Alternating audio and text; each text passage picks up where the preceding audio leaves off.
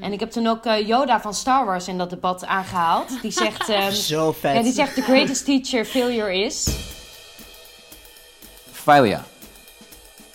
Fail early, fail often, fail forward. Hoi allemaal, ik ben Jumaan. En ik ben Nick en dit is Falen. En in Falen zoeken wij uit wat falen vandaag de dag betekent. Omdat iedereen faalt, maar niemand erover praat. Dus wat is falen nou eigenlijk en hoe gaan we ermee om? Elke aflevering nodigen we een gast uit die ons onfeilbaar lijkt. En we interviewen psychologen, sociologen en filosofen. En als ultieme ervaringsdeskundige delen we natuurlijk ook onze eigen inzichten. Later deze aflevering bellen we met filosofiedocent Martijn de Rijk over falen in de maatschappij. Maar eerst interviewen we een politica en GroenLinks-Kamerlid die op eigen kracht een kamerzetel bemachtigde met 18.000 voorkeurstemmen, zich hard maakt in de strijd voor eerlijk onderwijs en jeugdzorg. En die fanatiek voetbalt en alle metalfestivals afgaat. Hier is Lisa Westerveld. Hoi. Hey, hallo. Hallo. Wat fijn dat je er bent. Ja, vind ik ook in alle drukte in de politiek en tussen alle andere vergaderingen. Heel fijn dat we een momentje hebben kunnen vinden in deze coronatijden ook. uh, ja, hoe gaat het? Ben je, ben je heel, uh, heel druk nu? Nou, ja, dat kun je wel zeggen. Want we hebben de komende... Ja, je hebt als politicus altijd debatten. Maar we hebben aanstaande maandag een heel belangrijk debat over passend onderwijs. Waarin Oh. we dus gaan hebben over nou, hoe we ervoor kunnen zorgen eigenlijk dat alle kinderen, ook kinderen met een leerachterstand of een handicap, naar, naar een gewone school kunnen. Nou, dat systeem dat, uh, gaat eigenlijk helemaal niet zo goed. Dus daar hebben we maandag een debat over. Heb ik de week erop een debat over jeugdhulp. En die week daarop weer op hetzelfde moment een debat over media en sport. Dus ik moet nog even kijken hoe ik me verdeel over die twee zalen. Want je kunt natuurlijk... Uh, ja, je kunt gewoon niet op twee plekken tegelijk zijn. Terwijl het eigenlijk wel moet. Ja. Dus wij hebben eigenlijk een periode met enorm veel debatten. En nu moet je het natuurlijk ook voorbereiden. Dus ik ben vooral nu vandaag... Uh, ja, bezig met een heel aantal gesprekken met mensen om ons goed voor te kunnen bereiden op het debat van maandag. Oh ja, want je zet je al, al jarenlang in op passend onderwijs, toch? Ja, dat ik, ik werkte voordat ik in de Tweede Kamer zat ook bij de Algemene Onderwijsbond, de vakbond voor leraren. En dat was ook in de tijd dat passend onderwijs, dat is eigenlijk de naam van het systeem, is ingevoerd. En toen al gingen er heel veel zaken mis. En toen al ja, bemoeide ik me ermee vanuit een hele andere hoedanigheid. Dus ja, het is een belangrijk onderwerp. Merk je inderdaad, want ik hoorde op de radio dat eigenlijk door de, door de coronacrisis zijn er heel veel dingen extra aan het licht gekomen. Maar merk je dat er inderdaad ook een extra achterstand te merken is uh, in het onderwijs, maar ook bij kinderen thuis door corona? Ja, je ziet eigenlijk vooral dat de ongelijkheid toeneemt. Omdat Mm. als je als kind um, nou, een, een, een, stabiele thuissituatie hebt met ouders die je kunnen helpen met huiswerk en je hebt uh, ja, een goed werkende laptop bijvoorbeeld, Mhm. dan kun je natuurlijk veel beter afstandsonderwijs volgen dan als je nou, ouders niet genoeg geld hebben om zo'n laptop te kopen of als je ouders je niet kunnen helpen met, met je huiswerk. Of als je inderdaad in een klein appartementje woont en je hebt nog een aantal broertjes en zusjes die ook in diezelfde ruimte zijn. Ja. Dus wij zien echt dat die ongelijkheid tussen kinderen enorm aan het uh, toenemen is. Sowieso al, maar helemaal door corona wordt het eigenlijk allemaal versterkt. Ja. Ja, en bovendien onderwijs in de klas volgen is toch heel wat anders dan onderwijs vanaf huis volgen. ja. En dat is natuurlijk wat er een hele lange periode is, uh, is gebeurd. En als je dan, ja, als je inderdaad ook je klasgenoten niet ziet en je ziet de docent niet fysiek, dan is dat natuurlijk een hele opgave voor uh, kinderen. Ja, ook voor docenten, maar dus ook voor die kinderen. Ja, ja. ja, in deze faalpodcast hebben we dus heel erg over successen en falen. En we vroegen ons af, wat is de eerste faal die jij je kan herinneren? Ja, dat is een hele mooie, mooie vraag. Um, ja, toch wel, toch wel op school. Dat ik op een gegeven moment, uh, ook al op de basisschool, ik, ik kon best wel goed meekomen. Maar er was één vak um, topografie waarbij dat helemaal niet zo goed lukte. Mm. Dus dan merk je toch wel dat, ik, dat het best wel lastig is om op alle vakken eigenlijk goed te scoren. En dan mm. met één toets dat het me gewoon echt niet lukte. En ik denk dat alle kinderen wel zo'n ervaring hebben. Dat je iets probeert en het, en het gewoon telkens niet lukt. En denkt, snap ik het eigenlijk wel? Ja, dus, dus dat is eigenlijk, dat is denk ik mijn eerste ervaring die ik me, me kan herinneren in ieder geval. Oh ja. Dat ik gewoon En teleurgesteld was over mezelf. Ja, ja, ja. En hoe, hoe reageerden jouw ouders daar dan op? Waren jouw ouders streng met cijfers? Of, of viel het eigenlijk heel erg mee en legde je het meer op jezelf? Nou, ging meer over mezelf. Want mijn ouders maakten zich niet al te druk. Ze hadden wel zoiets van, nou, gewoon een beetje meer leren, dan, uh, dan lukt het je wel. En, en dat was het natuurlijk ook. Maar ja, als kind is het soms best wel moeilijk om eh, thuis ook nog in de avonturen ja, de, nee, topografie in mijn geval te gaan leren. Ja. Omdat je ook heel veel andere dingen wil doen. Dus hè, je, bent als, als, je bent helemaal niet. Tenminste, ik was helemaal niet zo'n goede leerling, ook als, ook als kind. Omdat ik altijd wel was afgeleid en andere dingen wilde doen. Naar buiten wilde gaan, wilde Oh. gaan voetballen inderdaad. Oh, ja, ja. Ja, dus het was. eh, dus ik kwam erachter dat. eh, ik, ik dacht toen dat een. Ja, dat achter de studieboeken zitten voor mij ook als jong kind helemaal niet, eh, niet was wat ik het allerbeste kon. En dat ehm, heb ik later wel een beetje ingehaald. Hey, jij bent geboren in Aalten. Ja, En het wordt ook wel het, eh, het Jeruzalem van Achterhoek genoemd. En je bent, je bent, ben je christelijk opgevoed ook? ja mijn ouders zijn eh, christelijk gereformeerd. Ja. Oh, dus ja. ik ging zondag twee keer naar de kerk en naar catechisatie Wauw. en, en alles wat erbij hoort. En heb je het gevoel dat, dat zeg maar, ja, hoe, dat christenen anders kijken naar falen? Dat er ook in, de, in een christelijke opvoeding anders wordt gekeken naar falen of, of, eh, of niet? Ja, ik vind het wel een mooie vraag. Ehm, ik, ja, ik denk het wel. Ehm, wat ik zelf heb gemerkt, is dat ik toen ik klein was ook altijd dacht, er kijkt iemand met mij mee. Iemand die ziet mij en iemand die, ehm, die, die let op alles wat ik doe. Hè, God. Ja. En ik mag dus helemaal niks verkeerds doen, want dan ja, krijg je later misschien straf. Ah, Dus dat gevoel had ik wel. Van je, je, dat je inderdaad altijd alles wat je doet moet doen alsof iemand op je schouders meekijkt. ja. Wat op zich best wel een goede leidraad is voor het leven hoor. Dat je alles wat je doet moet kunnen uitleggen. Maar dat kan je natuurlijk ook wel heel erg beangstigen. ja, een soort geweten die altijd meekijkt of zo. Of een soort...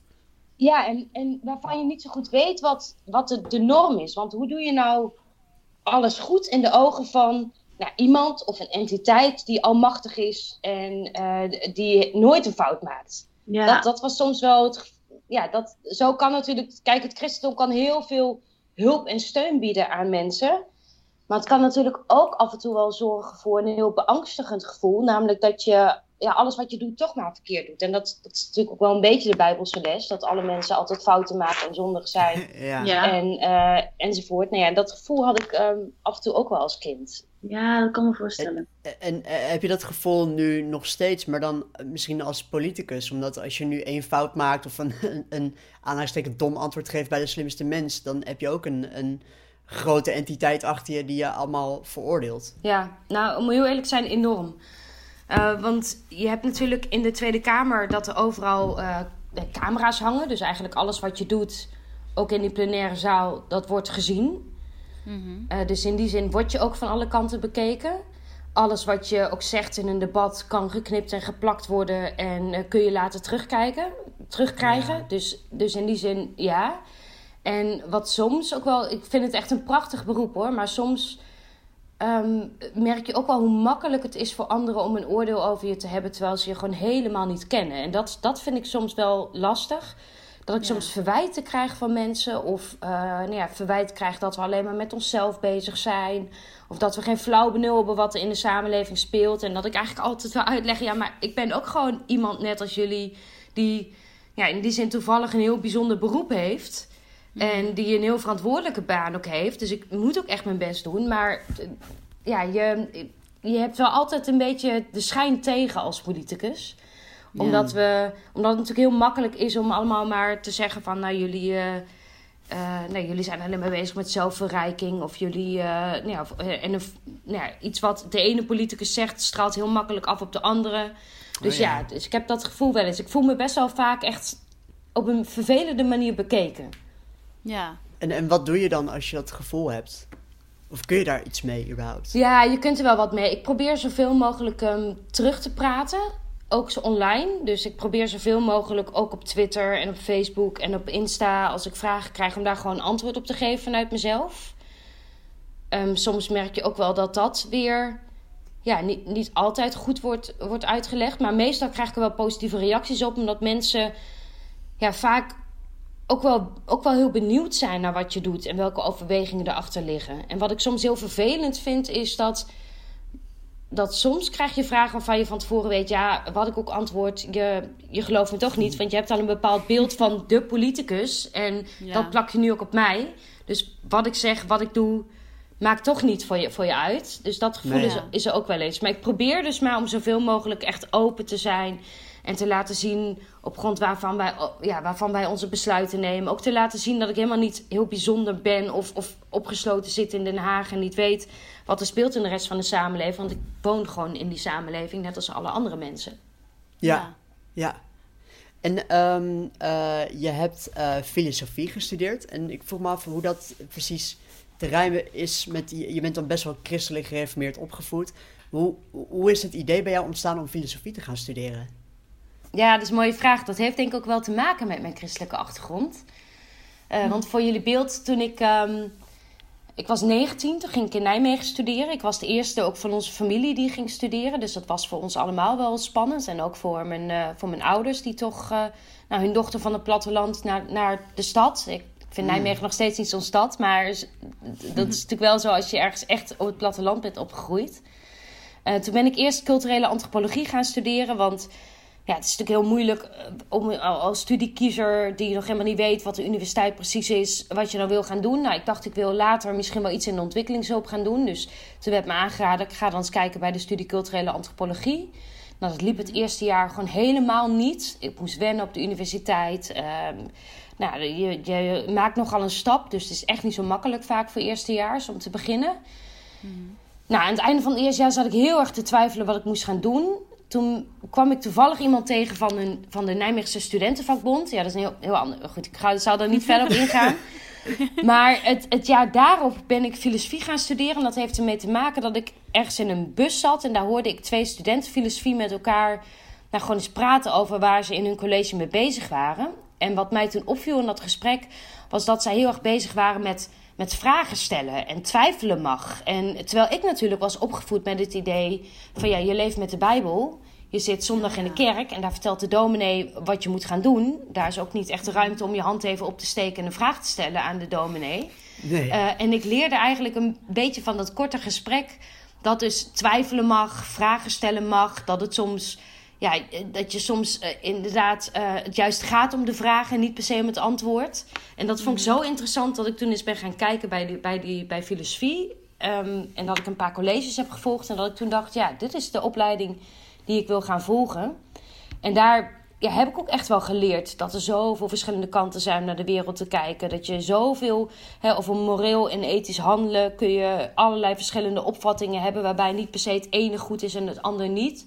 En ik denk het allerbelangrijkste, ik leerde gewoon dat twijfelen mag, dat vragen stellen mag. En dat het juist een heel belangrijk onderdeel is van je leven. En hoe, en hoe is dan de stap gegaan naar de politiek?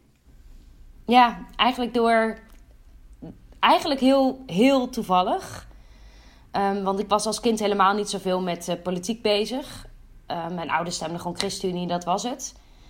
En toen op een gegeven moment, ehm, nou, toen ik ben gaan studeren, nou, toen kwam ik dus terecht bij de studentenvakbond. Aan het einde van mijn eerste jaar van mijn studie, toen ik niet zo goed wist wat ik moest gaan doen, kwam ik iemand tegen die vertelde wat ze bij de Nijmeegse studentenvakbond betekenen voor studenten. En dat ze studenten helpen met gedoe met hun huisbaas. En dat ze studenten helpen als er iets is met de kwaliteit van het onderwijs. Nou, toen dacht ik, wat een fijne mensen zijn dit. Dus ik ben daar eigenlijk heel snel actief geworden, in het bestuur gegaan. Ehm, nou, en daar, eh, dat was in een jaar waarin er on- ongelooflijk veel bezuinigd zou worden op het hoger onderwijs. En daar wilden wij een eh, demonstratie tegen organiseren.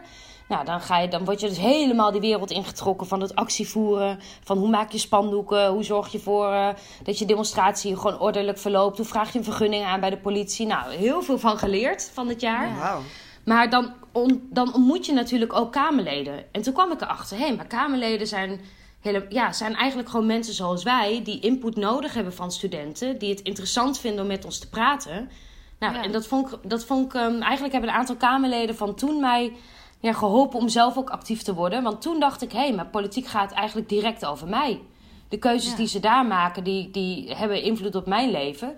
En ik kwam erachter hoe belangrijk het dus ook is dat je ook als student nou, aan politici vertelt waar je mee zit en wat er beter kan met bijvoorbeeld het onderwijs.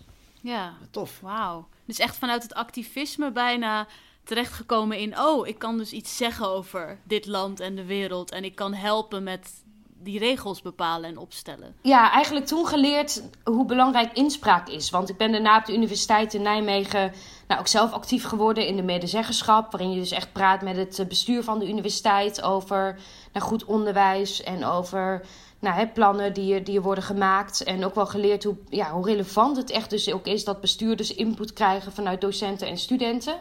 Mhm. Eh, en ja, en, dan, dan is natuurlijk die stap naar de politiek eigenlijk vrij snel gemaakt. En niet dat ik meteen actief werd hoor. Ik ben daarna nog um, voorzitter geworden van de Landelijke Studentenvakbond.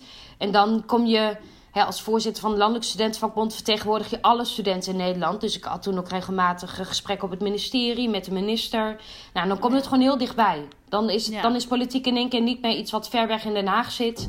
Maar dan is politiek iets waar je zelf onderdeel van uitmaakt. Nou, en, en, zodoende is mijn interesse eigenlijk uh, gegroeid. Heel cool. En um, in een interview vertelde je ooit... Uh, je moet in dit vak heel snel over teleurstellingen en boosheid heen kunnen stappen. En ik vroeg me af, Kun jij zelf goed omgaan met teleurstellingen? Nou, ik, ja, dat heb ik misschien zo mooi gezegd, maar het is echt wel een leerproces voor mij hoor. Het is een mooi streven. Ja, kijk, wat, wat, wat het is, um, je bent met ongelooflijk veel onderwerpen ook bezig. En ik ben zelf bijvoorbeeld woordvoerder onderwijs, jeugdzorg, kinderopvang, media, sport. Nou, het gebeurt wel eens dat ik in een week elke dag een nieuw debat heb, waarin je dus nou ja, voorstellen doet waarin een aantal het halen. En soms werk je aan iets echt enorm hard. En schrijf ik een motie. En de motie is eigenlijk een soort van opdracht aan de minister om het uit te voeren. Ben je daarmee bezig? Heb je ouders gesproken? Heb je jongeren gesproken? Heb, je, heb ik collega-Kamerleden gesproken? En denk ik, nou, dit is echt een mooi voorstel wat er ligt. En dan bij de stemming hou je toch net geen meerderheid.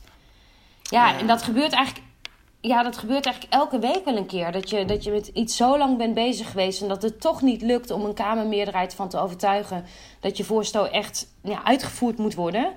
Dus je komt elke week opnieuw teleurstellingen tegen. En je moet je eigenlijk in, het, in, ja, in mijn beroep gewoon optrekken aan de successen die je wel binnenhaalt. Uh, in plaats van dat je maar bij de pakken neerzet bij alles wat het niet haalt. En je moet eigenlijk ook gewoon zorgen dat als een voorstel niet haalt, dat je denkt, nou, dan moet ik dus de volgende keer het, het nog beter verwoorden of nog beter vertellen wat ik wil. Want als je dat niet doet, dan, dan word je wel snel um, nou, teleurgesteld, ook, ook in de politiek. Oh ja. Zou het ook kunnen omdat je natuurlijk eigenlijk in een. Uh, nou, in GroenLinks is vaak toch een oppositiepartij, helaas. In de zin van, die moeten altijd tegen de gevestigde orde vechten. Um, zou het kunnen dat je daardoor überhaupt uh, ja, sneller moet dealen met teleurstellingen, omdat de gevestigde orde niet altijd voor veranderingen is. Ja, ja, dat klopt. Kijk, als je in de regering zit, dan maak je met elkaar een aantal afspraken over wat je wil. En dan heb je in die zin, um, nou, dan kun, je, dan kun je dus duidelijk aangeven welke punten uit jouw partijprogramma ook uiteindelijk het regeerakkoord moeten halen en uiteindelijk worden uitgevoerd. Ja, en dat heb je als oppositiepartij niet. Dan, worden je inbreng, dan wordt je inbreng niet meegenomen in het regeerakkoord en maakt dus geen onderdeel uit van het beleid dat de ministers en de staatssecretaris gaan uitvoeren. Dus in die zin moet je als oppositiepartij. Ja, heb, je, heb, je het wel, heb je het echt wel lastiger met voorstellen van je die het gaan halen? Want die hebben niet automatisch een meerderheid. Nee, uh, dus je moet net wat harder, harder werken dan de coalitiepartijen om te zorgen dat ook wat jij wil wordt uitgevoerd. Dus ja, dat, dat is wel. Um... Kijk, de andere kant is wel, wij zijn, wij zijn wel wat, wat vrijer echt om mee te stemmen met voorstellen die we willen. Want als je in de. Nou, als je in een coalitiepartij zit, dan heb je af en toe van tevoren ook afspraak gemaakt van. Uh, nou, over iets waar, waar je eigenlijk zelf niet achter staat. Gewoon omdat je een hmm. compromis aan het maken bent. Want dat is een regeerakkoord. Ja. Dus ik merk soms wel eens dat dat onze rol makkelijker maakt. Wij kunnen veel beter echt vanuit onze eigen idealen kijken. Welk voorstel steunen we wel en wat steunen we niet. Ja. Zonder dat je al van tevoren een compromis hebt moeten maken. Ja. ja, dat is wel waar. Dat kan me voorstellen. Ja. Maar eh, wat ik wel tof vind, is dat je dan zelf uh, zegt bij een motie die het niet haalt: van oké, dan moet ik dat beter verwoorden de volgende keer. Terwijl het kan ook zijn dat het niks te maken heb, heeft met hoe goed die verwoord is, maar gewoon dat nu, uh, ja, de, de pet van de coalitie er niet naar staat. Ja, dat is zo. Ja, ik, ik kan wel een voorbeeld geven hoor. Want eh, wat ik al zei, we hebben maandag dus een debat. Het gaat over passend onderwijs. Mhm. Daar hebben we het onder andere over nou ja, kinderen met een handicap die niet naar school kunnen. Nou, ik heb al heel vaak ook in de Kamer aangekaart van we zouden in plaats van een, een leerplicht, zouden we een leerrecht moeten invoeren. Waarin we echt zorgen dat oh alle kinderen, ook kinderen met een handicap, automatisch het recht hebben om te leren of zich te ontwikkelen. Want niet alle kinderen met een handicap kunnen natuurlijk ja, leren of kunnen naar school zoals andere kinderen dat, dat wel doen. Dus je zult er aanpassingen op moeten maken. Maar draai dat nou eens om en maak er nou een recht van. Ja, dat vindt eigenlijk iedereen. En toch is telkens tegen dit voorstel van ons gestemd omdat dan de, de coalitiepartijen en de minister zei... ja, maar dit, eh, dit gaan we een keer uitvoeren, maar dat, dat is ingewikkeld... en moet op een later moment. En terwijl ik dan gewoon zie hoe ouders met gehandicapte kinderen gewoon worstelen en elke keer eh, ja, elke keer ja, tegen, tegen dichte deuren aanlopen. En ik denk, ja, maar hadden we, dit hadden we eerder moeten regelen. Nou, maandag daar gaan we hierover verder praten. En dan, dan blijkt dat er wel nou, de komende jaren een paar stapjes worden gezet. Nou, ik had het graag al drie jaar geleden in gang willen zetten. Ja. Dus, dus zo, zo loop je... Terwijl iedereen... Ja, we zullen allemaal vinden dat kinderen met een handicap... automatisch recht moeten hebben op onderwijs. Denk ik in ieder geval. Zometeen bellen we verder met Lisa, maar eerst bellen we met filosofiedocent Martijn de Rijk over falen in de maatschappij. Hey Martijn, wat fijn dat je er weer bij bent. Ja, leuk om weer terug te zijn.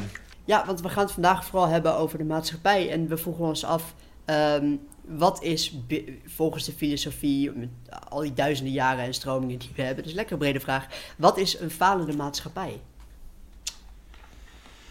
Mijn god, dat is echt een moeilijke vraag. Mm. Ja, jeetje. Um, kijk, er zijn een heleboel verschillende politieke, filosofische stromingen. Dus die vraag kan je op allerlei verschillende manieren beantwoorden. Dus, dus ik, kan niet, ik kan je het antwoord op die vraag niet geven. Um, grofweg zou ik hem beantwoorden als volgt als je kijkt naar de, naar de Europese, westerse politieke geschiedenis, dan, hè, dan, en zeker ook nu lees je dat ook nog, als het gaat over politiek, dan gaat het al heel snel over links of rechts. Mhm.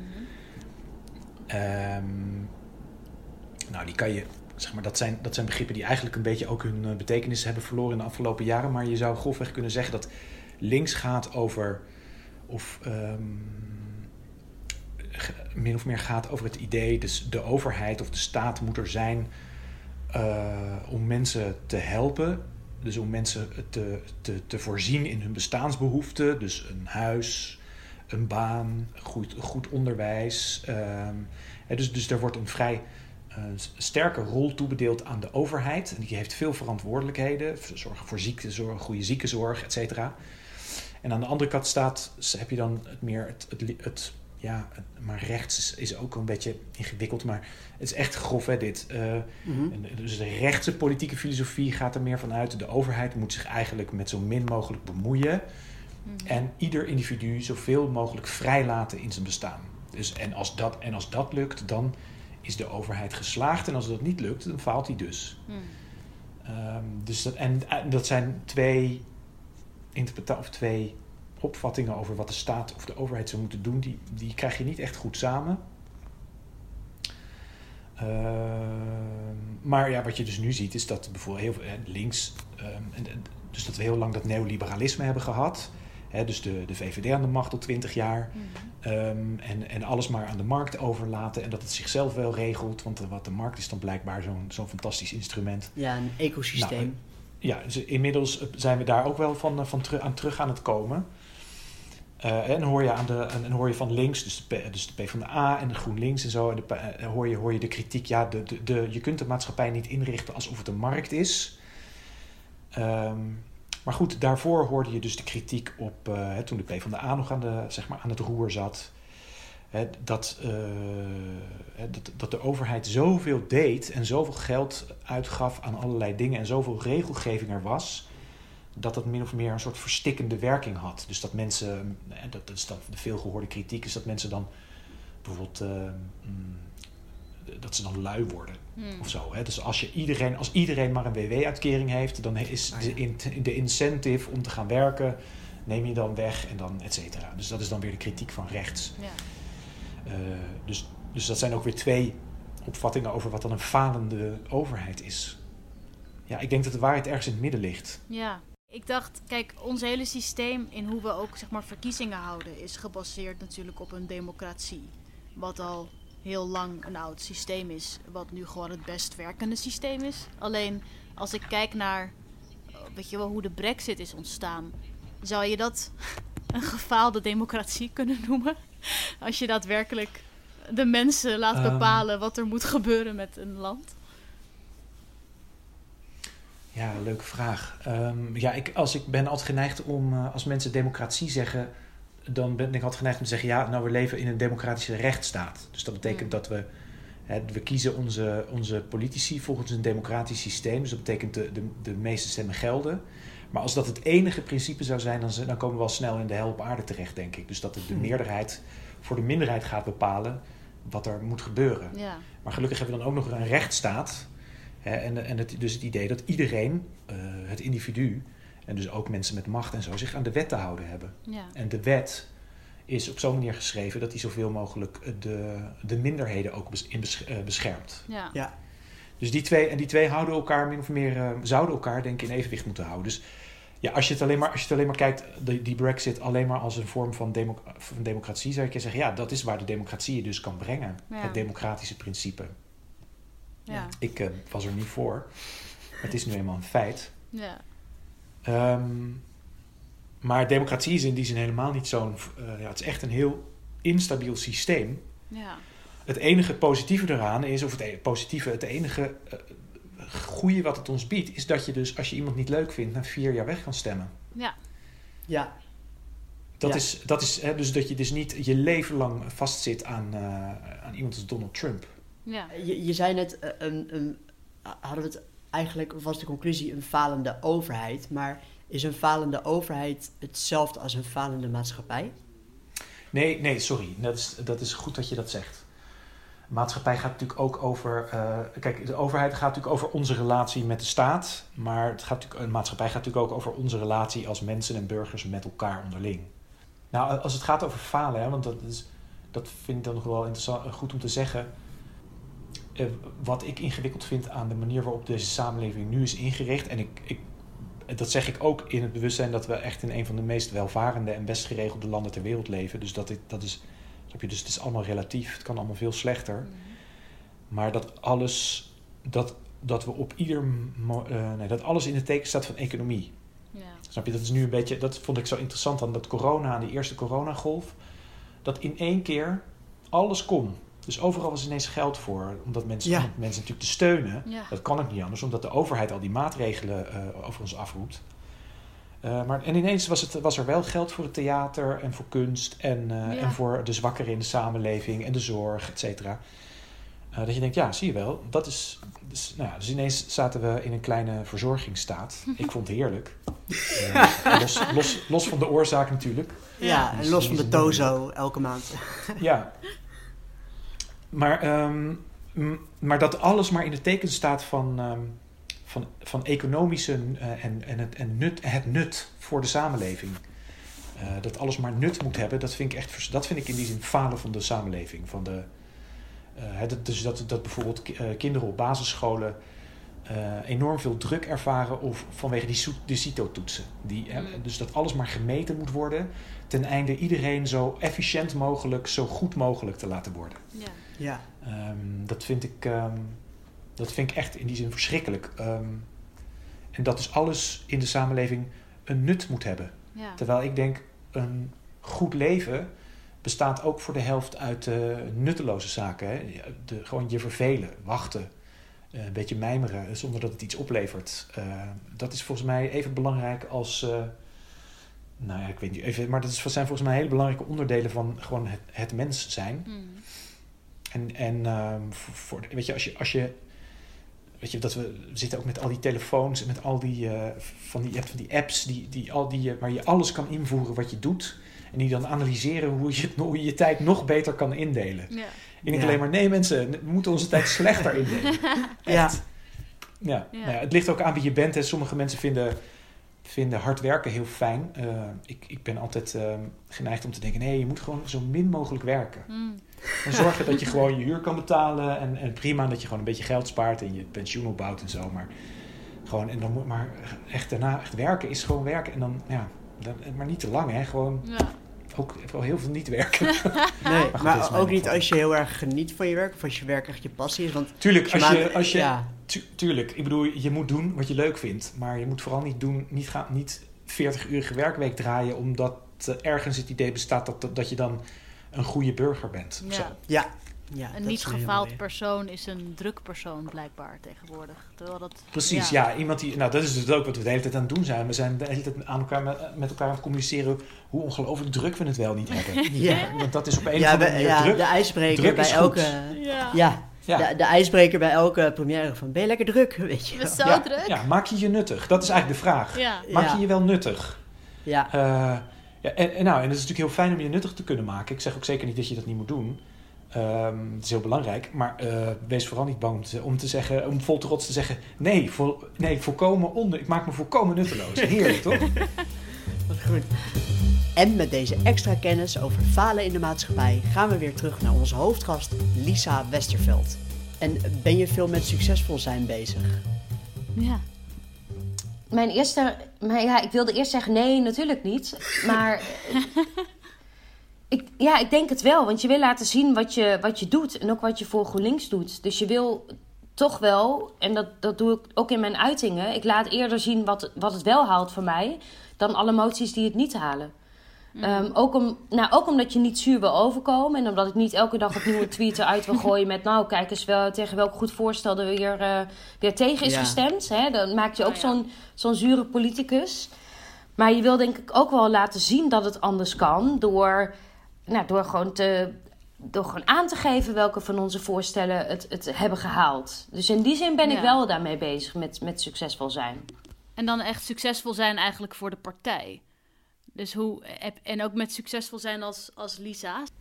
Ja, ik, ik hoop dat ik daar niet te veel mee bezig ben. Maar dat klinkt ook te makkelijk. Ehm, ja, want, want je bent het, kijk, ik ben natuurlijk ook weer bezig met de volgende verkiezingen. En ik wil ook dat ik op de lijst kom. En, ik, en Ja. dat, daar kom je ook alleen maar als je hebt laten zien wat je allemaal goed kunt. Dus in die zin is Ja, het ook ja. wel... Ja, soms is het ook wel een... Ook wel heel tegenstrijdig hoor. Want eh, ik wil natuurlijk alles wat ik doe laten zien waarom we dat doen vanuit onze idealen. En tegelijkertijd heb je er als politicus baat bij dat je weer gekozen wordt. En Ja. word je ook wel in die situatie gedrukt dat je juist vooral jezelf moet laten zien. En moet laten zien wat wel en niet lukt. Dus, Ja. dus ja, he- Ja. helaas wil ik bijna zeggen. Je, helaas moet je daar wel mee. Je ziet dat ook wel, ook wel eens terug. Dat juist Kamerleden die minder van zichzelf laten zien. ook soms niet meer terugkomen na de verkiezingen. Omdat ook, ook een partij wel graag wil dat wij allemaal nou ja, laten zien wat we doen. eh, daar open in zijn enzovoort. Maar het is niet altijd wenselijk, vind ik hoor. Dat je, dat je jezelf zo moet laten zien. Nee. Nou ja, dat zeg je in een, in, een, eh, in een interview, vond ik wel interessant. Omdat ik dat ook bijzonder bescheiden vind. In de zin van, ik kom dat niet vaak tegen bij politici. Ehm, toen er naar je werd gevraagd van, wat, wat, wat, wat is je rol in de politiek? Toen zei je, je hoeft niet altijd overal het beste in te zijn. Het hardst te roepen en voor, vooraan te gaan staan. Ehm, dus je hoeft jezelf niet belangrijker te maken dan je bent. Wat Ja. dat lijkt, het klinkt alsof je dat ook als een interessante attitude vindt. In hoe je dus ook naar succes kijkt. Van je moet daarin niet te veel met je ego bezig zijn, zeg maar. Ja, maar ik, ik, dan, en dat zeg ik ook omdat ik denk dat het ehm, je kan tegenhouden. Want nou, bijvoorbeeld als ik, op, eh, als ik op werkbezoek ga... en wat ik voor de coronacrisis elke week eh, deed... dan bezoek ik bijvoorbeeld een school. Dan kun je natuurlijk ervoor kiezen om dat eh, breed in de media uit te zetten... dat je een school bezoekt en te zorgen dat je met belangrijke mensen op die school praat... en te zorgen dat er een journalist Oh, bij ja. is die een mooi verslag kan maken... Handjes schudden, baby's zoenen. Ja, Ja. precies. Ehm, Maar je kunt er ook voor zeggen, om, ook voor kiezen om tegen die school te zeggen van hé, hey, ik wil graag met je leraren in gesprek, ik wil graag met de kinderen eens in gesprek, met een aantal ouders om eens te horen wat er beter kan. En dat is natuurlijk veel minder interessant naar buiten toe, maar dat geeft mij wel veel beter, veel betere informatie om mijn werk goed te kunnen doen. Dus, dus Ja. op zo'n manier ja, heb ik er veel meer aan om niet altijd eh, ja, breed uit te meten waar ik ben, wat ik doe en met welke belangrijke mensen ik praat. Ik praat liever met mensen die tegen concrete problemen aanlopen en die mij vertellen wat, eh, wat er beter zou kunnen. Ja. En ehm, wat is op, op politiek vlak, maar mag ook zeker daarbuiten, eh, je allergrootste faal of meest recente faal geweest? Ja, je, je faalt elke week wel een keer. Dat, kan ook bijna niet anders in dit, uh, in dit vak. Um, nou, op politiek vlak vind ik dat... Dat wordt wel meteen een heel zwaar onderwerp. Maar um, ik hou me heel erg bezig met jeugdzorg. Omdat ik ook zie dat heel veel jongeren die echt acute hulp nodig hebben. Omdat ze, ja, omdat ze gewoon zo, zo, zo heftig in de problemen zitten. Bijvoorbeeld jonge vrouwen na seksueel misbruik die een trauma oplopen en niet worden geholpen. Um, dat, dat is echt een heel belangrijk onderwerp. En tegelijkertijd lukt het mij gewoon al bijna vier jaar niet om hier voldoende de handen voor op elkaar te krijgen. Dat, dat deze groep echt prioriteit krijgt. En dat echt nou, alle alarmbellen afgaan, ook in de Tweede Kamer. En ervoor wordt gezorgd dat ze, dat ze hulp krijgen. En daar voel ik me vaak ja, best wel vervelend over. Omdat ik, um, nou, voor jullie beeld, ik krijg elke week en soms wel dagelijks gewoon berichten binnen. Ook van jongeren die er tegenaan lopen. Die echt, ja, soms met mailtjes die beginnen met help. Ik heb uh, hulp nodig en kun je me alsjeblieft helpen. En dan moet ik elke keer uitleggen van ja, ik, ik, ik hoor je verhaal en ik vind het heel erg wat er gebeurt. Maar ja, ik kan ook niet meteen hulp voor jou regelen. En dat voelt toch wel elke keer opnieuw als een soort van falen. Ook omdat ik ja, weet dat als er niet op tijd hulp komt, dan gaat het alleen maar slechter met deze jongeren. En ook een aantal jongeren die ik de afgelopen jaren heb gesproken, die, ja, dat wordt meteen heel zwaar, maar die leven ook niet meer. En dat is Hmm. natuurlijk niet direct een persoonlijk falen, hè, wat er met hen is overkomen. Maar het voelt wel als falen dat het mij nog steeds niet lukt om dit onderwerp hoog genoeg op de agenda te zetten. En echt ervoor te zorgen dat ja, de, de minister ervoor zorgt dat er iets gaat veranderen in het systeem. Waardoor we wel deze jongeren hulp kunnen geven. Ja, dus het, Ja. voelt dan alsof je hun echt hebt gefaald eigenlijk. Ja, want zij kloppen bij mij aan. Omdat zij denken, ik heb overal al geprobeerd om hulp te krijgen. Ik, ehm, ik krijg het nergens. Ik eh, hoor overal dat ik te moeilijk ben om te behandelen. Of, eh, of ja, dat soort verhalen krijgen zij telkens. Nou, dan, dan gaan ze in uiterste nood, sturen ze dan soms mij een berichtje. Of via de mail of via bijvoorbeeld Insta krijg ik veel berichten binnen. Waarbij ze denken, nou, nu heb ik een politicus te pakken die, me voor onze, die zich voor onze doelgroep in, eh, inzet. Die ook verandering wil. Ehm, nou, waar ze dan echt hoop op hebben dat het, dat het mij lukt. En ik mail ze dan weer terug van ja, ik kan ook niet direct wat voor je betekenen. Tenminste, ja, ik, ik zou het terug kunnen mailen, ik ga je meteen helpen. Maar dat, weet je, dat kan ik gewoon niet. Ook niet Nee. omdat ik geen hulpverlener ben en in die zin... ehm, ja, ook niet een overzichtje heb van behandelaren in het hele land waar ze terecht kunnen. Bovendien zijn er overal wachtlijsten. Dus er Ja. zijn allemaal redenen waarom ik niet kan helpen. Ja. Maar ja, ik schrijf soms echt wel met een. eh, nou, echt wel met lood in mijn schoenen zo'n mail terug. Omdat ik het gevoel heb dat ik de zoveelste ben die hen teleurstelt. ja. Ja. En dat, Ja. en dat is best wel. Dat blijft iedere keer opnieuw weer heel naar om. ehm, ja, om, om toch te moeten doen. En hoe ga je daar dan mee om? Hoe, als, je dat, als dat gevoel je bekruipt, wat, eh, wat, wat doe je dan? Nou ja, ook weer gewoon zo open mogelijk zijn. Dus waar ik in ieder geval voor zorg, is dat iedereen die mij mailt eh, met zo'n verhaal gewoon echt een bericht terugkrijgt. En ik eh, pro- probeer dat zelf ook zoveel mogelijk te doen. Er zijn ook wel eens weken dat het mij echt niet lukt. En dan vraag ik een van onze, een van mijn andere collega's om te kijken en dat serieus te nemen en te sturen. Ehm, dus ik, en ik heb eh, bij, inmiddels ook ehm, met het ministerie van VWS afgesproken dat zij een aantal van deze kwesties oppakken. Want voor jullie beeld, ja, sommige mensen denken wel eens dat je als Kamerlid ah, een heel team om je heen hebt staan van allemaal mensen die meteen eh, doen hè, wat je zegt. Maar wij hebben ook niet zo heel veel ondersteuning, om heel eerlijk te zijn. En het ministerie heeft natuurlijk wel ehm, nou, gewoon heel veel ambtenaren in dienst die wel nou, dat- wat beter dan, dan wij zich kunnen verdiepen in die casus. Dus ik, ik, vraag dan, al, ik vraag dan, als ik echt zo'n mail weer binnenkrijg van iemand die gewoon aangeeft: ik heb nu hulp nodig en het gaat echt niet goed met me. Dan stuur ik altijd een mail terug en dan vraag ik van: hey, zou ik je, ja, zou ik jou, zou ik je mails mogen doorsturen? En dan, en dan vraag ik aan het ministerie of ze ermee aan de slag gaan. Maar ja, Ja. tegelijkertijd voel ik me daardoor ook weer onderdeel van het hele doorverwijssysteem. Want deze jongeren hebben al zo vaak meegemaakt dat iemand zegt: Ja, ik kan je niet helpen, maar ik kan je wel doorsturen. Dus er Ja. zit ook een, een Ja. heel dubbel gevoel in. Snap Ja. ik, maar het is eigenlijk toch ook helemaal niet zo erg om hulp te vragen. Want wat je eigenlijk doet is hulp vragen. eh, Ja. aan Iemand die ze beter kan helpen. Ja, ehm, Ja, en je weet van jezelf dat het geen smoes is. eh, weet je, wel, dat jij het niet eh, ja, eh, doorstuurt om er maar vanaf te zijn, maar omdat diegenen er echt ja, meer mee kunnen dan jij. Ja. Ja, dat, dat weet ik ook wel. Maar voor hen is het wel weer de zoveelste Ja, die hen ja. doorstuurt. En ik krijg het trouwens vaak wel... Wat ik gewoon merk is... Ik heb eigenlijk niet dat mensen dan boos worden op mij. Ik, ik hoor vooral terug dat ze blij zijn dat hun mail is gelezen. En dat iemand naar ze heeft geluisterd. En dat, dat is altijd wel heel prettig om dat terug te krijgen. Dat zegt ook wel iets over... Nou, toch wel hoe ons systeem in elkaar zit. Dat, dat ik denk, ja, dat je blij bent dat ik zeg... Ik heb je mail gelezen en ik, eh, ik luister serieus naar je. Dat vind ik wel best heftig dat, dat mensen daar zo... Ja, daar vaak zo positief op reageren. Want ik voel me dan ernstig tekortschieten in wat ik ze laat weten. Ja, Ja. snap ik. En tussendoor, het ministerie van VWS is ministerie van Volksgezondheid, Welzijn en Sport, toch? Ja, dat is goed dat je dat zegt. Want ik heb me voorgenomen om nooit in afkortingen te gaan praten. En, en je, het schiet er toch wel telkens bij in. Maar ja, het ministerie van Volksgezondheid, Welzijn en Sport. Het Ja. klinkt niet alsof ik het meteen wist, maar ik heb het stiekem gegoogeld. Toch tussendoor. even stiekem. Ja.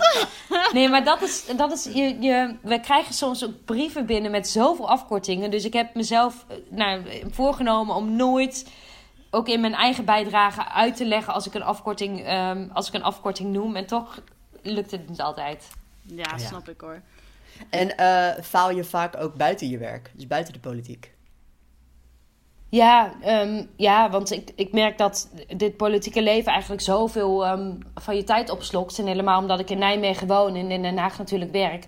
Dat ik, eh, nou, ik, ik, ik voetbal bijvoorbeeld. En ik moet heel vaak vlak voor de training mijn trainer een appje sturen van... ja, ik zit toch nog in Den Haag, sorry, ik kan niet komen. Terwijl het wel een teamsport is waarbij van ons allemaal inzet wordt verwacht. Ja. Nou ja, dus ja, dan heb ik een hele lieve trainer die daar altijd wel begrip voor heeft. Maar eh, dat voelt ook wel, ehm, ja, dat is gewoon heel naar. Of Ja. ehm, hè, dat je bijvoorbeeld verjaardagen van familieleden overslaat. Omdat ik, ehm, ja, omdat ik de, de week erop een belangrijk debat heb en eigenlijk het hele weekend stukken moet lezen. Of mijn, mijn vrienden die dan soms vragen van... hey, heb je zin om vanavond even langs te komen en bij te praten? En dan denk ik, ja, nee, dat kan niet. Want ik ben heel laat thuis en ik moet morgen weer heel vroeg opstaan. Dus dat, ja. dat, dat, dat, dat voelt ook niet altijd eh, even lekker. Nee. Hoe, Want hoe wat, ga wat je... is jouw... Ja, Shumaan? Nee, ik wil vragen, hoe, eh, is er ook, heb je een manier gevonden om daar een balans in te brengen? Of is dat nog echt een zoektocht tussen privé en werk? Nee, ik heb daar geen balans in gevonden. Dat, ja, dat, eh, nee, Nee, het, blijft een... Ik, ik probeer het in te halen door als we door in, in het, in het zomerreces bijvoorbeeld tijd met vrienden en familie door te brengen. En eh, in het kerstreces, dat zijn eigenlijk de twee momenten in het jaar dat we iets langere ja, vakanties hebben waarbij je dingen kunt inhalen. En ik probeer het eh, goed te, ja, ook wel in die zin goed te maken door af en toe eens mensen te bellen als er wat is. En op zo'n manier. Maar het, nee, het, is mij, het lukt mij niet om daar een goede balans in te vinden. Hmm. Oh, ja. En wat is jouw definitie van falen? Ja, dat, ehm, dat is ook wel. Nou, ik denk dat je hebt natuurlijk situaties waarin iets niet goed gaat, maar waarin je weet, ik heb alles op alles gezet om toch het doel te bereiken wat ik wil. Maar je hebt natuurlijk ook wel situaties waarin je denkt, oh, als ik net een stapje harder had gelopen, dan was het me wel gelukt. En dat laatste is wat mij betreft het falen. Dat je denkt, ik had nog net wat meer kunnen doen. Ik had nog net misschien die laatste collega kunnen bellen met de vraag of hij of zij wel voor mijn voorstel zou willen stemmen. Ja. Dus, dus Ja. dat, dat, dat voelt af en toe dat ik denk, verdorie, waarom heb ik dit nou niet gedaan? Dan, had het, dan was het misschien wel gelukt. Nou ja, en ja. De- dus dan voelt het als, als falen. En, ehm, nou, en wat natuurlijk ook wel zo is, soms voelt iets op, op een moment als falen, terwijl je later denkt, ja, ik heb hier eigenlijk enorm veel van geleerd. Oh ja. Dat, dat is natuurlijk ook de, de andere kant. Dat iets gewoon niet goed gaat en je denkt, nou ja, weet je, dan, dan doe ik het de volgende keer anders. Dat is, dat is Ja. volgens mij het allerbelangrijkste, ook voor je als politicus. Want als je, hè, ook als je in de Tweede Kamer komt, alles is nieuw. Dus ook zo'n debat voeren en hoe, wanneer je een motie indient en wanneer je vragen stelt. En wanneer, dan maak je ongelooflijk veel, veel fouten in aan het begin. Eh, Omdat je gewoon nog niet precies weet hoe het zit. Ja. En daarin word je natuurlijk wel met de jaren, door de jaren heen beter. Maar je kunt alleen maar beter worden als je, nou, als je iets fout hebt gedaan. Ja. En even, ik vraag me gewoon af, wat, wat is het allereerste dat je doet, gewoon in gedrag, als je het gevoel hebt dat je faalt? Ja, dan bel ik mijn vrienden. Oh ja. Ehm, omdat ik denk dat ehm, je, moet- je, ja, je weet gewoon ook als politicus dat mensen van alles van je vinden. En vooral op, op Twitter enzovoort. eh, iedereen heeft echt. Er zijn zoveel mensen die een mening over me hebben. Maar ik weet dat mijn vrienden echt weten wie ik ben. En dat mijn vrienden. Nou, op het moment dat ik iets doms heb gezegd of zo. eh, dat zij dan ja, niet meteen een mening hebben. Maar even willen luisteren van. Hé, hey, hoe is dit dan gegaan? En, en wat is er dan aan de hand? En Ja. dat is heel fijn. Je, moet, je hebt gewoon echt. Ja, als, als Kamerlid heb je mensen in je omgeving nodig ja, die gewoon weten wie je bent en die, je die je steunen. Want anders dan, dan red je het inderdaad niet. Tenminste, Nee. dan zou ik het niet redden als ik niet, eh, als ik niet zulke fijne vrienden had. Dat is Dat is ook een hele mooie, denk ik, voor mensen die niet in de politiek zitten, toch? Om mee te nemen. Het is altijd fijn om te horen hoe andere mensen omgaan met het hele faalgedoe. Zo. Ja, en ik, ik probeer Ja. dat ook wel anderen mee te geven hoor. Want je, je merkt, op, het is heel makkelijk om je te laten leiden door alle negativiteit op, op sociale media soms. Ehm, maar ja, ik probeer me er heel erg van bewust te zijn dat dat ook vaak mensen zijn die mij helemaal niet kennen. En die helemaal Ja. ook, ook niet hun best doen om zich te verdiepen in wie je bent. En waarom je bepaalde dingen doet. En dat is natuurlijk de reden dat ik... eh, nou, af en toe als er dan een hele storm van kritiek op iets is gekomen... dat ik even een, een vriend of een vriendin bel... en die zeggen dan vaak eerst van... Hè, maar waar gaat het over? Heb ik helemaal niet meegekregen. Ja, Ja. dat is omdat ik er middenin zit... en dan denk oh, wat, wat komt er over me heen? Ja. En, dat, en alleen dat helpt vaak al. Dat ik denk, oké, gelukkig. Het is kennelijk Ja. niet eh, wereldnieuws... maar het is in mijn hoofd is het gewoon heel groot nu. ja, precies. Oh ja, dat is goed. Ehm, nou, Lisa, laatste vraag. Heb je één faal of fout die je koste wat het kost wil vermijden? Ja, wel, wel meer. Oké, mag. Ehm, het is altijd best wel. ehm, er, zijn best wel heel veel ehm, gewoon spannende debatten die wij die we hebben in de Tweede Kamer. En waarvan je dan ook merkt dat mensen meekijken en een, en een mening over je hebben enzovoort. En ik hoop het gewoon te vermijden dat ik een keer iets achterloos zeg wat dan enorm groot gaat worden. Want dat, dat gebeurt natuurlijk best wel vaak. En ik, ik, nou ik zeg je dat ik het graag zou willen vermijden, maar ik ga er niet aan ontkomen. Het gaat mij ook een keer overkomen dat ik een keer wat zeg waarvan ik me op dat moment helemaal niet bewust ben dat het eh, niet goed is gezegd of dat ik onhandige woorden heb gekozen, maar dat het heel groot gaat worden.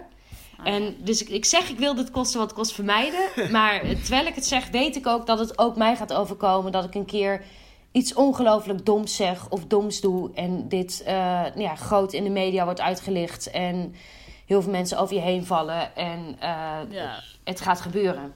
Ja. Dus ja, ik bereid me alvast intern eh, ook altijd een beetje voor op, zo- op zo'n moment dat het eh, bij mij er ook een keer van gaat komen. Ja, maar misschien ergens dat weten of zo is ook weer omdat iedereen het eigenlijk wel eens heeft, eh, kan misschien ook helpen om het te relativeren of zo. Of te denken, natuurlijk maak je ooit een fout, ever, toch? Ja, is zo. Nou, we hadden een tijdje geleden een, ehm, een, een debat en dat ging over, over onderwijs en over prestatiedruk. En in dat debat heb ik heel erg gezegd van laten we nou alsjeblieft jonge mensen de kans geven om fouten te maken. En ik heb toen ook eh, Yoda van Star Wars in dat debat aangehaald. Die zegt, ehm, Zo vet. ja, die zegt the greatest teacher failure is. En Ja, dat is natuurlijk eigenlijk een zo. hele... Dat is een super mooie zin, is dat eigenlijk. Goed. Die Ja. heel erg van toepassing ook, ook is op, eh, ehm, ja, op, op wat we meemaken. Want we maken allemaal fouten. Ja, Ja, maar tegelijkertijd ehm, de- is dat makkelijk om te zeggen. En kan ik dat uitstralen van laten we mensen de tijd geven. En fouten kunnen gemaakt worden. Je moet er alleen van leren.